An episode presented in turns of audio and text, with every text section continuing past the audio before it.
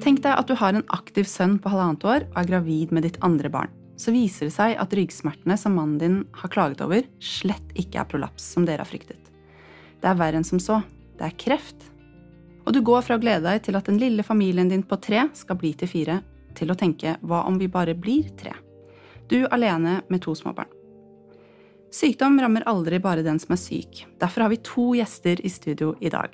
Velkommen til K-ordet, kollega i Kreftforeningen og en som har hoppa veldig langt på ski, Bjørn Einar Romøren, og din bedre halvdel, Martine.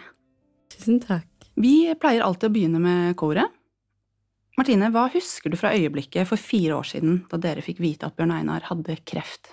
Eh, ja, hva husker man? Eh, jeg blir litt sånn emosjonell ja, når du leser opp dette her. Men eh, nei, jeg husker faktisk den dagen veldig godt, for den var litt, eh, litt annerledes enn eh, vanlige dager. Eh, for vi visste jo at han hadde vært inne og tatt, tatt bilder, som vi trodde var da bilder av denne gode prolapsen. Så dukker du plutselig opp på jobb, og det er ikke så ofte du gjør. Eh, og da så du at han var litt sånn prega, men det var liksom ikke nok til at jeg tenkte sånn Oi, dette her, nå er det liksom Ja, det streifa meg liksom ikke at det Ja, at du kom fordi du hadde vært hos legen. Det var litt sånn Ja. Og så skjønte jo du at eh, jeg tror, ikke, jeg tror kanskje ikke det er tid og sted for å ta, for å ta den praten akkurat nå. Så da kom vi hjem, og det tok ikke så lang tid etter jeg kom hjem eh, ved middagsbordet du, og da hadde vi jo bare Fred foreløpig, og han skjønte jo Han kunne jo bare sy lys av mamma og tiss, tror jeg. Mm. Så da tok det ikke så lang tid før du gikk rett på sak og sa egentlig bare at det, eh, det var ikke så vellykket hos legen i dag. Og den, um, den kulen, eller den prolapsen du trodde du hadde, det var noe helt annet enn en, en prolaps. Det var kreft. Og da husker jeg reaksjonen min var sånn Nei, det er det ikke. Det går jo ikke. Ja. Det, er ikke det er jo ikke mulig. Hvorfor tenkte du det? Nei, jeg vet ikke. Det var nok bare en sånn øh, uaffektert reaksjon, på en måte. Uten at man Det bare Nei, det, det, skal ikke vi ha. Det går ikke. Det kan det ikke være. Dette må være feil. Men uh, jeg kjenner den dagen på kroppen når vi prater om det, faktisk. Mm. Men holdt, holdt, du en skikkelig ro du da, Bjørn Einar? Eller hva, hva foregikk i kroppen din? Nei, altså det, Vi hadde jo ikke fått beskjed om at det var kreft, vi hadde fått beskjed om at det var en uh, sånn uh, klump. En svulst? En, en svulst. Om den er godarta eller ondarta, det vet man jo ikke. Prøvde jeg så godt som mulig å tenke at uh, ikke få total panikk før man visste hva som skjedde. Og så hadde vi jo sånn sett veldig flaks med at det skjedde fort, da. Altså, dette var en tirsdag, onsdag var 1. mai, så da var det ikke så mye som skjedde. Og torsdagen så fikk jeg beskjed om at det var tatt opp i sarkommøtet. Og fredag så ringte de på morgenen og sa at eh, sånn, sånn, sånn, sånn, sånn, sånn, sånn skjer. Ja, for hvilken kreftform var det? Ewing-sarkom. Det var det som han ringte og sa at uh, dette her uh, ligner veldig på Ewing-sarkom.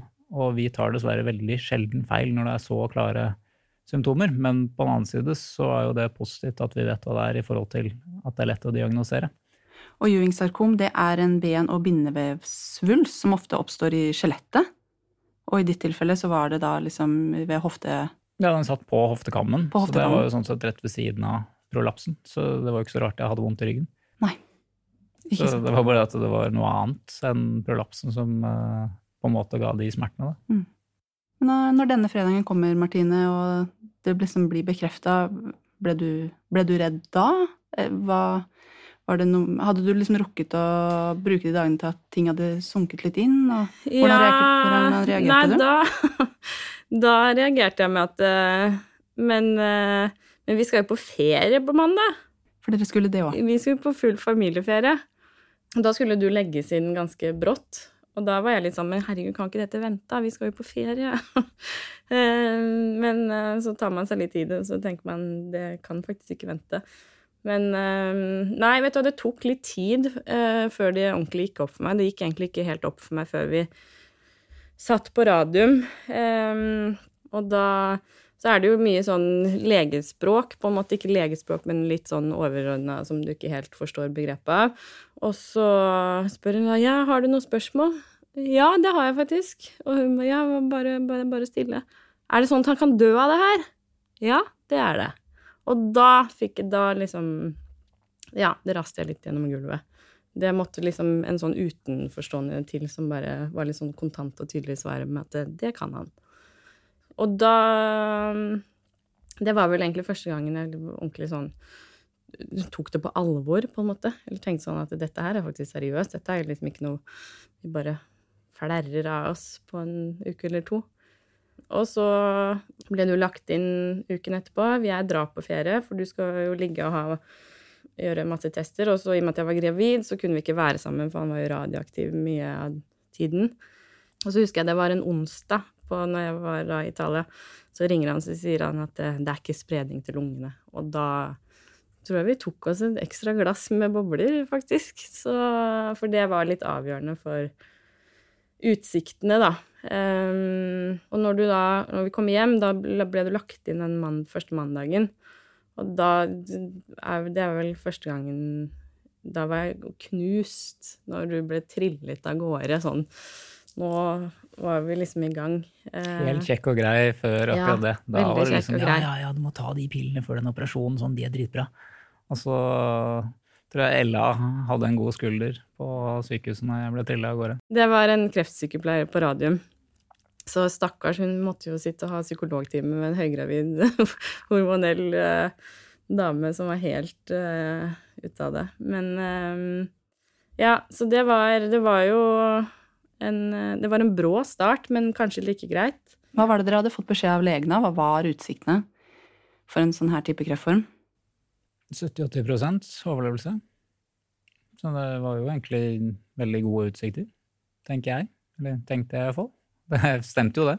Ja, men eh, vi var nok litt sånn Hvis det var spredning til lungene, så var det 10 eh, sjanse for overlevelse. Martine, du har sagt at dere var bekymra for forskjellige ting. Mm.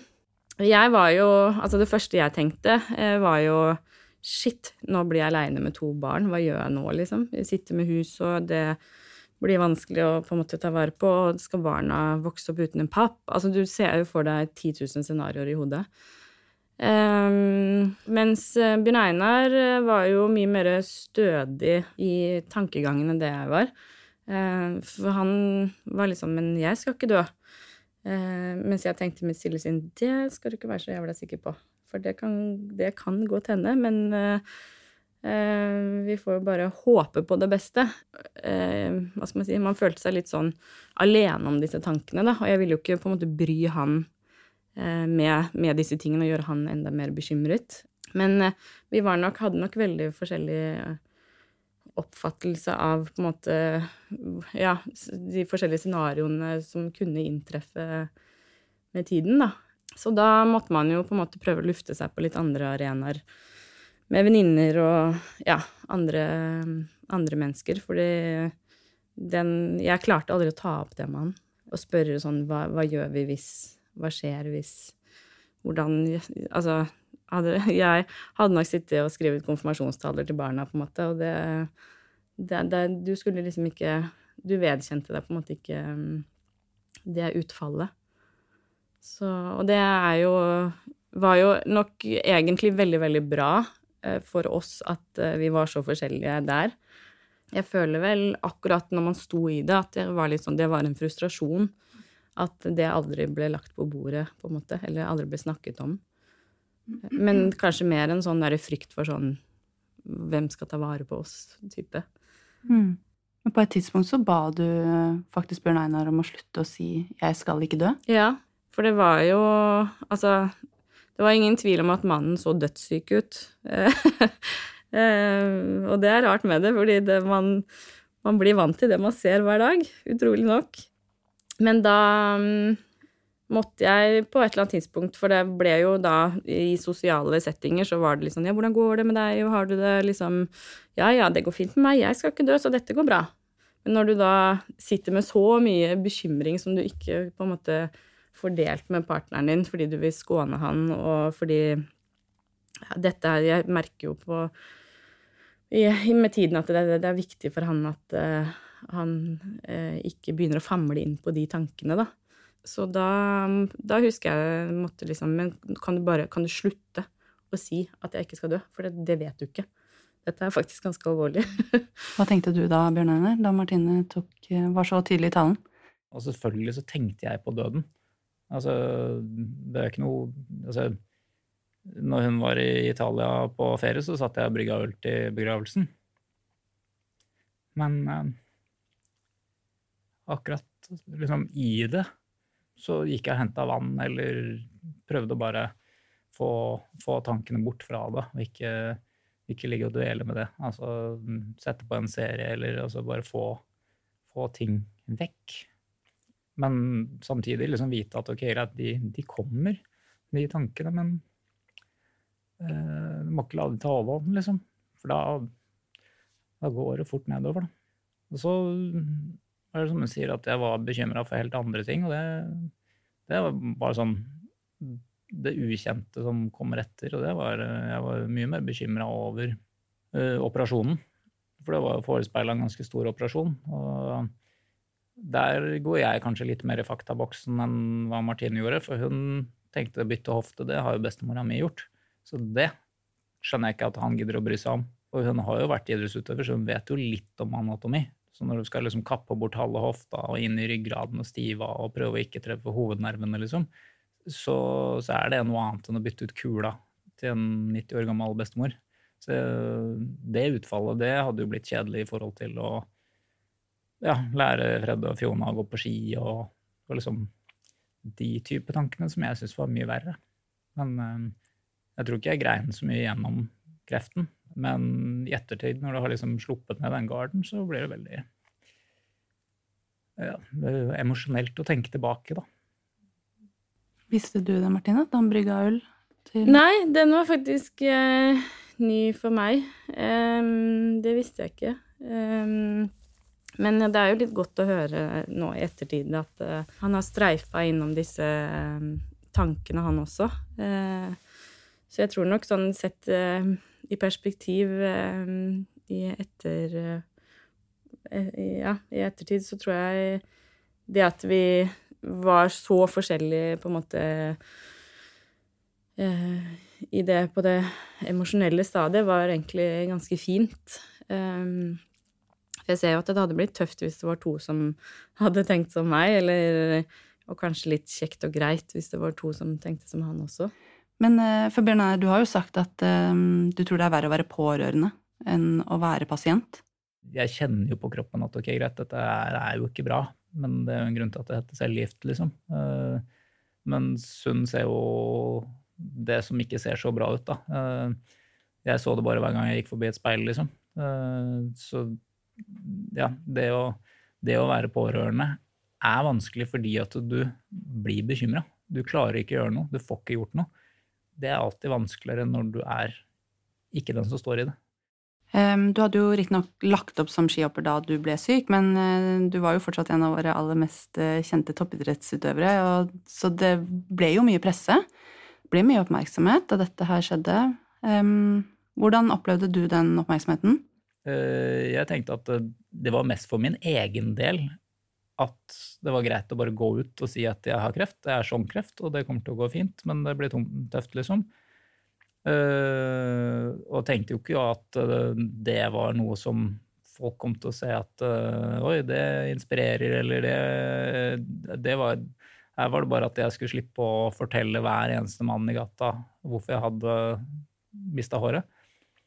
Uh, og så fikk vi jo veldig mye tilbakemeldinger. Jeg tenkte jo liksom Er det mulig at det ble liksom så stort oppslag rundt det? Ja, det er jo midt på sommeren, så det er jo agurktid, liksom. Men uh, det blåser fort over. Og så, um, og så viste det at det, det gjorde ikke da. Jeg har fått mer forståelse for at uh, åpenhet blant menn og kreft ikke er så vanlig, da.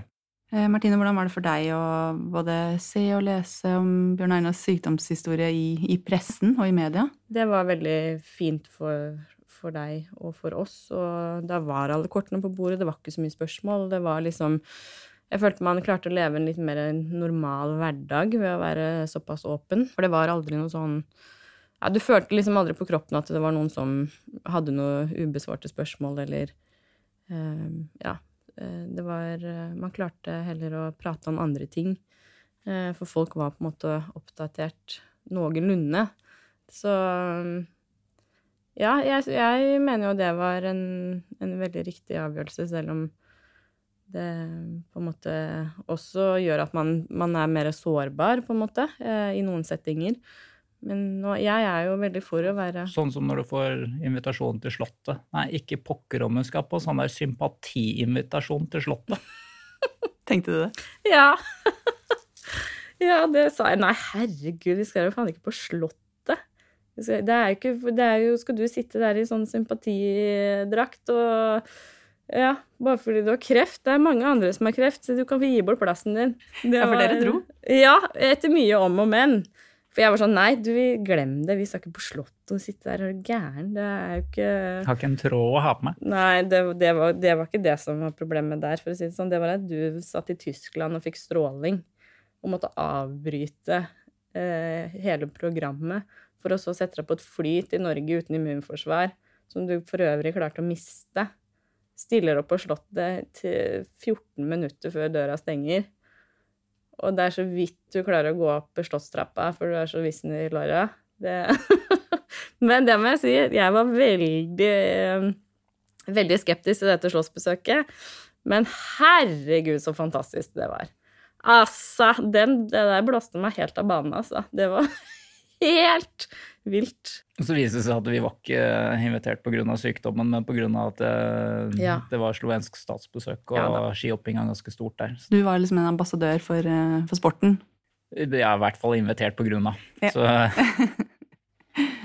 men uh, i all åpenheten, Martine, uh, alt som er beskrevet, har du, har du, kjent deg igjen i alt, eller er det noe, er det noe du har savna? Skulle du ønske at det var snakka noe mer om noe? Ja, jeg føler jo Altså, jeg på en måte syns jo det, du har vært fryktelig åpen eh, ut ifra den personen du er. Du er jo ikke et menneske som eh, som snakker, som snakker med, med alle om alt. Jeg føler altså når du har gått ut og du har outa at du ikke har noe Rogner Rogn-påstand, du har slitt med hemoroider og diverse, så er det altså Hvor mye mer åpen kan du bli, tenker jeg, da. Men det Nei da. Men jeg, jeg, jeg, husker jo spesielt eh, i forhold til det her med, med sex under behandling.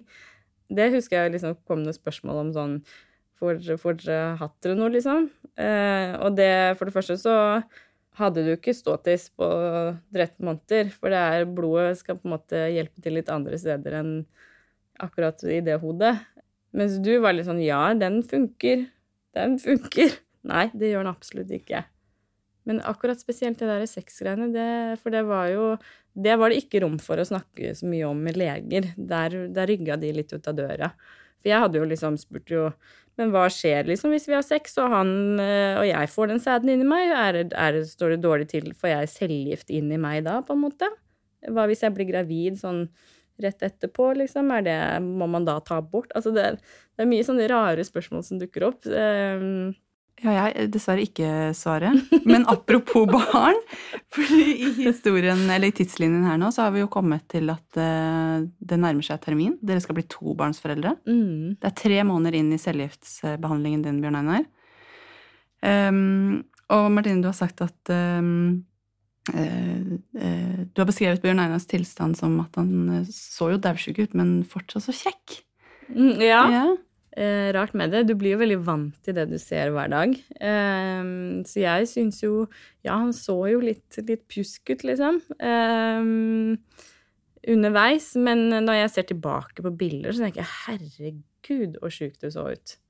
Eh, så, men jeg syns liksom, selv om du var oppblåst i ansiktet og ikke hadde hår og sov 22 timer i døgnet og ikke klarte å være med på noen ting, så syns jeg fortsatt du var like kjekk og fin. Det ligger så mye kjærlighet i, i bunnen her. Det leser i hvert fall jeg litt. Jo, det får vi håpe det er det. Martine, var du redd for at han skulle gå glipp av fødselen, da?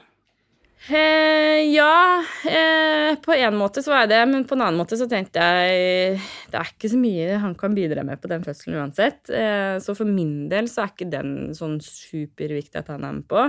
Men jeg tror det var veldig viktig for han å være med på. Jeg tror nok det også var jo en veldig sånn eh, Hva skal jeg si En, eh, en litt, sånn, litt, sånn, anker gjennom hele prosessen her også, i forhold til at man hadde noe å se frem til. Og jeg vet i hvert fall du liksom hang knaggen din veldig på at eh, dette skulle bli et fint år, vi skulle få en datter.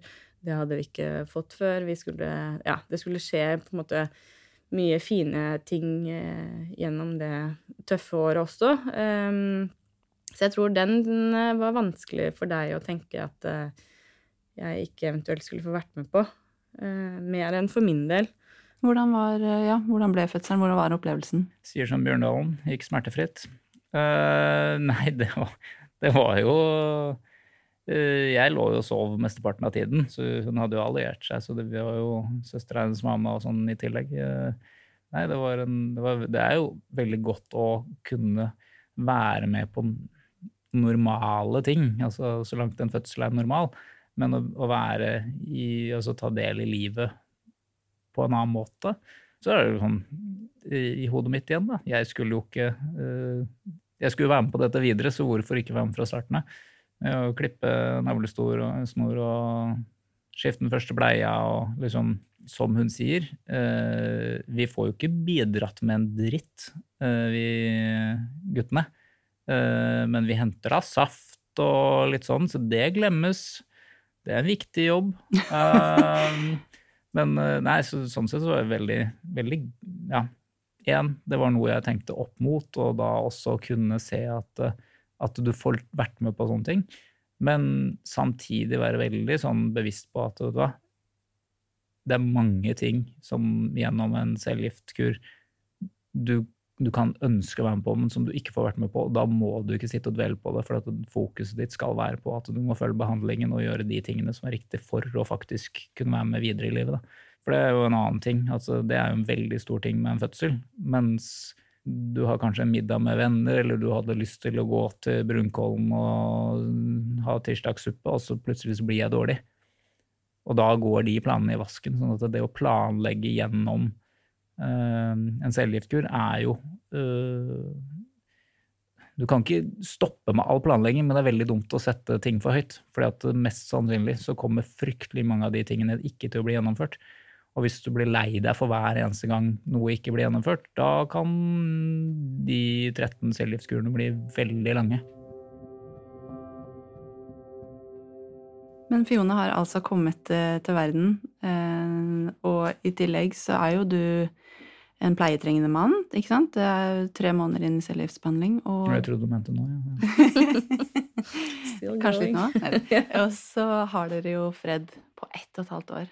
Altså, for, um, for en som, som har født uten en syk mann på, på sidelinja, så kan jeg bare forestille meg at det må ha vært veldig tøft.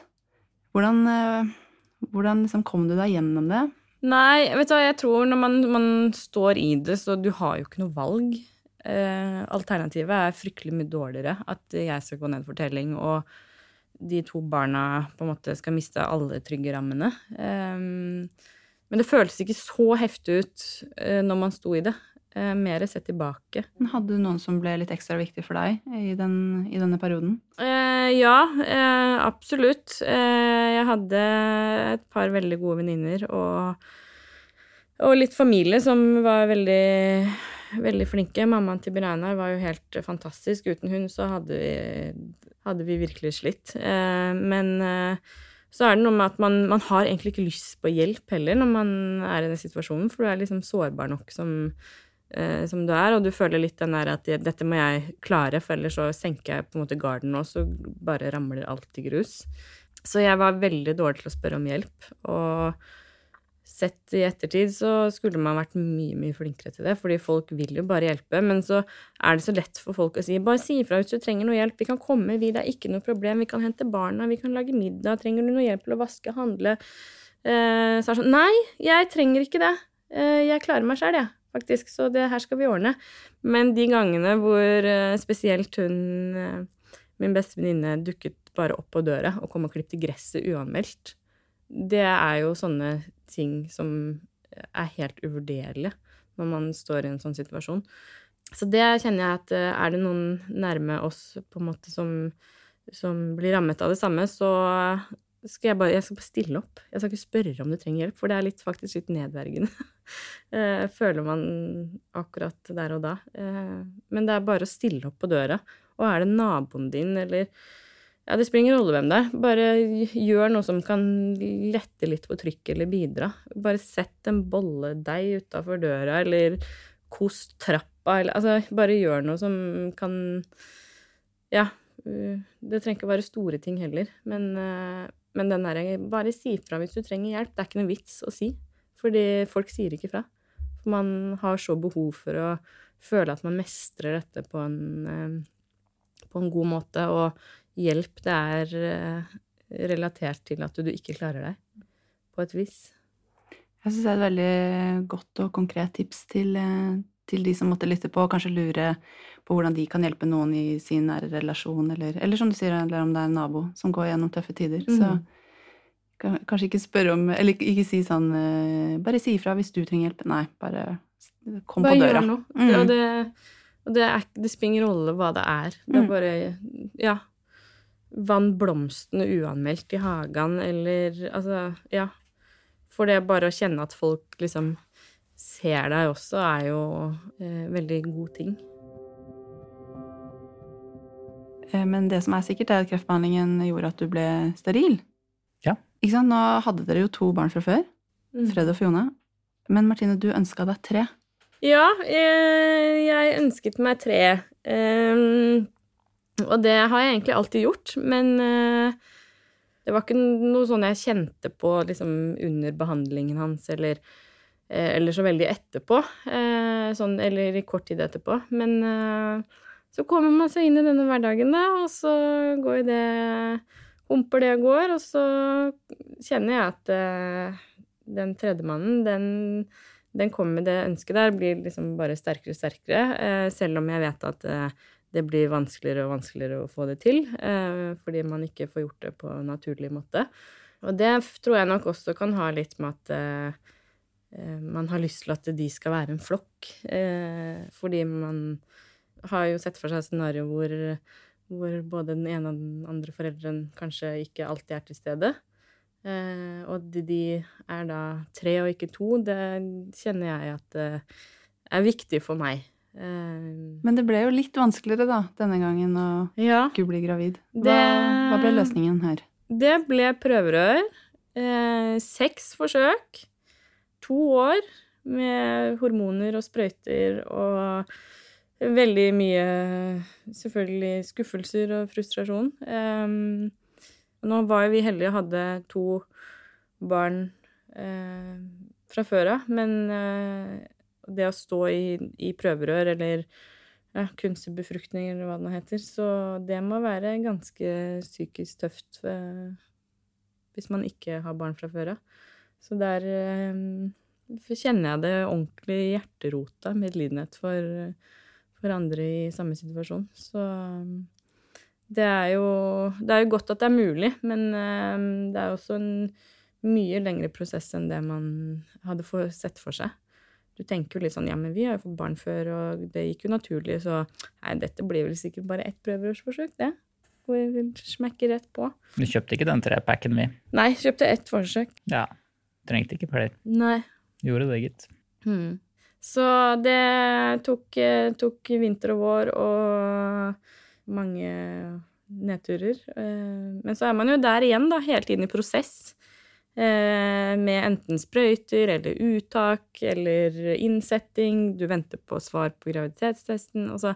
Så man er jo ja, hele tiden i et løp. Så der også blir det jo litt sånn samme som når man er i en, i en cellegiftbehandling, at man det, det går så lenge det holder på, på en måte. Eh, så lenge man vet at man Ja, det skjer noe. Eh, men når liksom plutselig datoen er der, eller bommen går ned, så, så er det litt annerledes.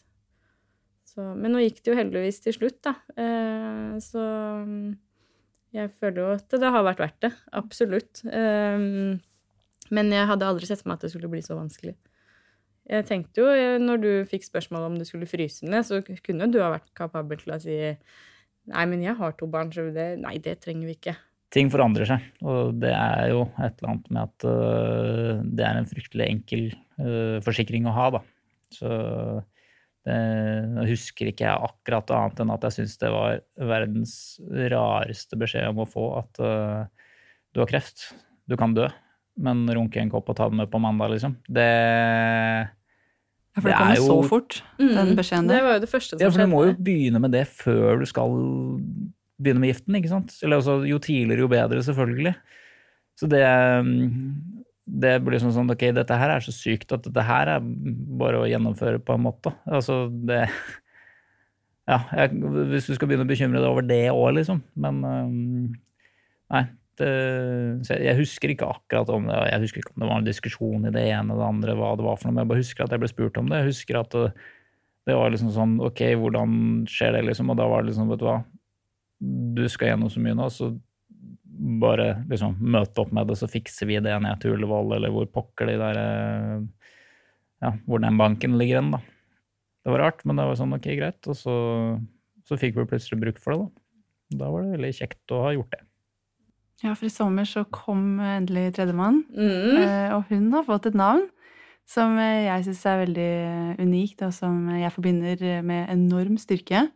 Er det lov å spørre, eller kan vi få dele med lytterne Absolutt. hva hun heter? Hun heter Pippi. Ja. Fantastisk. Så hun er et skikkelig kjærlighetsbarn. De andre er jo selvfølgelig også det, men Nå er du ute på tynn is her. Ja. Nei, men man, det er, man Eh, klarer å kose seg litt eh, men på en annen måte nå. Eh, sist vi fikk barn, så var det snakk om å overleve og ikke ta seg tid til så mye hyggelige stunder eller eh, Det var Det var ikke fokus hele tiden. Nå er det litt lettere å kunne ha normalt, i den forstand, fokus på at uh, familien er komplett på den måten. Og så eh, har du liksom ikke noen store andre ting som henger og tynger over i forhold til at eh, gubben plutselig måtte ta go-bagen og dra på sjukehuset igjen, eller eh, sånn type ting. Da. Sånn at det er jo litt godt. Kunne vite at hver gang du legger ungen på brystet, så er du ikke redd for at du har for mye cellegift som svetter ut av kroppen. Eller liksom det. Det er litt annerledes. Litt roligere. Men var det noe ekstra tanke bak det navnevalget? Eh, ja. Eh, det er jo en veldig eh, hva skal man si, kul karakter, da. Eh, så jeg føler jo at hun eh, Hun er eh, et resultat av av mange tøffe tider og tøffe tak som, som vi var heldige å komme ut av i godt behold. Ja. Og hvordan har dere det i dag?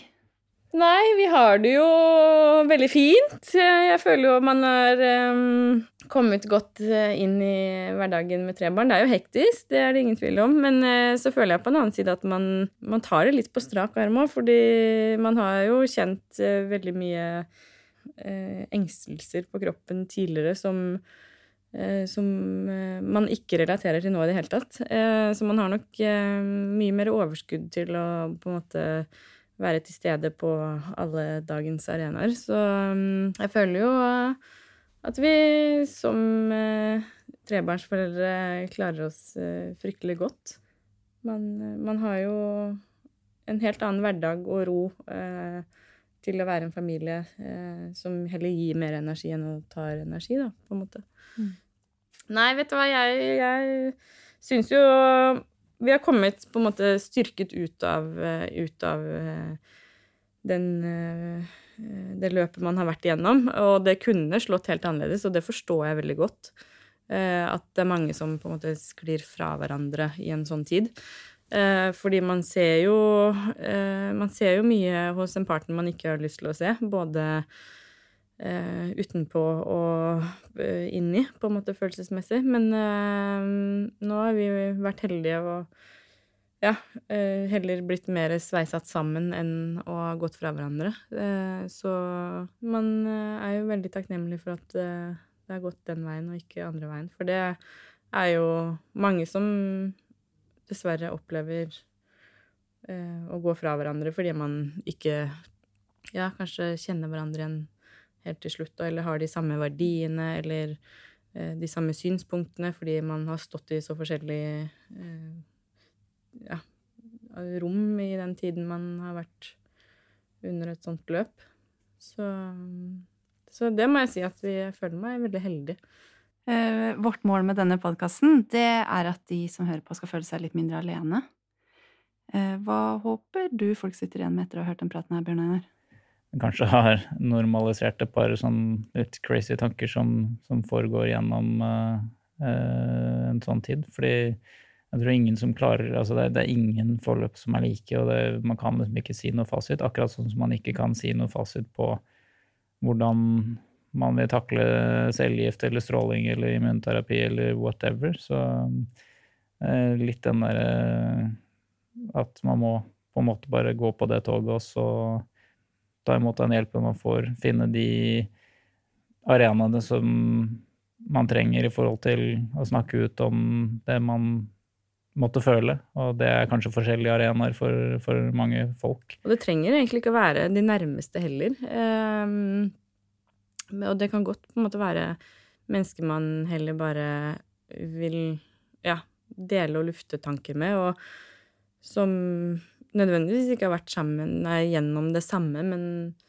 kanskje har andre eh, historier å referere til som For det er jo kanskje litt fort at man, eh, når to med kreft også møtes, at det på en måte eh, Den ene kan kanskje fortelle hvordan det kommer til å bli, og så blir det kanskje helt annerledes for det neste nestemann som skal ut, fordi man reagerer fryktelig forskjellig på ting. Så um, kanskje det kan være fint å oppsøke mennesker som har vært i krisesituasjoner, men kanskje på en helt annen arena.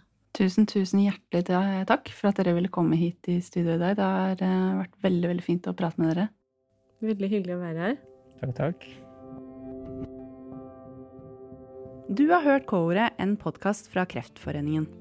Vi jobber for at færre skal få kreft, at flere skal overleve kreft, og få bedre livskvalitet for pasienter og pårørende. Du kan lese mer om arbeidet vårt og hvilke tilbud vi har til deg på kreftforeningen.no. Der finner du også rådgivningstjenesten vår om du trenger noen å snakke med etter å ha hørt denne episoden. K-ordet er produsert av Gjenklang for Kreftforeningen. Produsent for Gjenklang er Christian Konglund.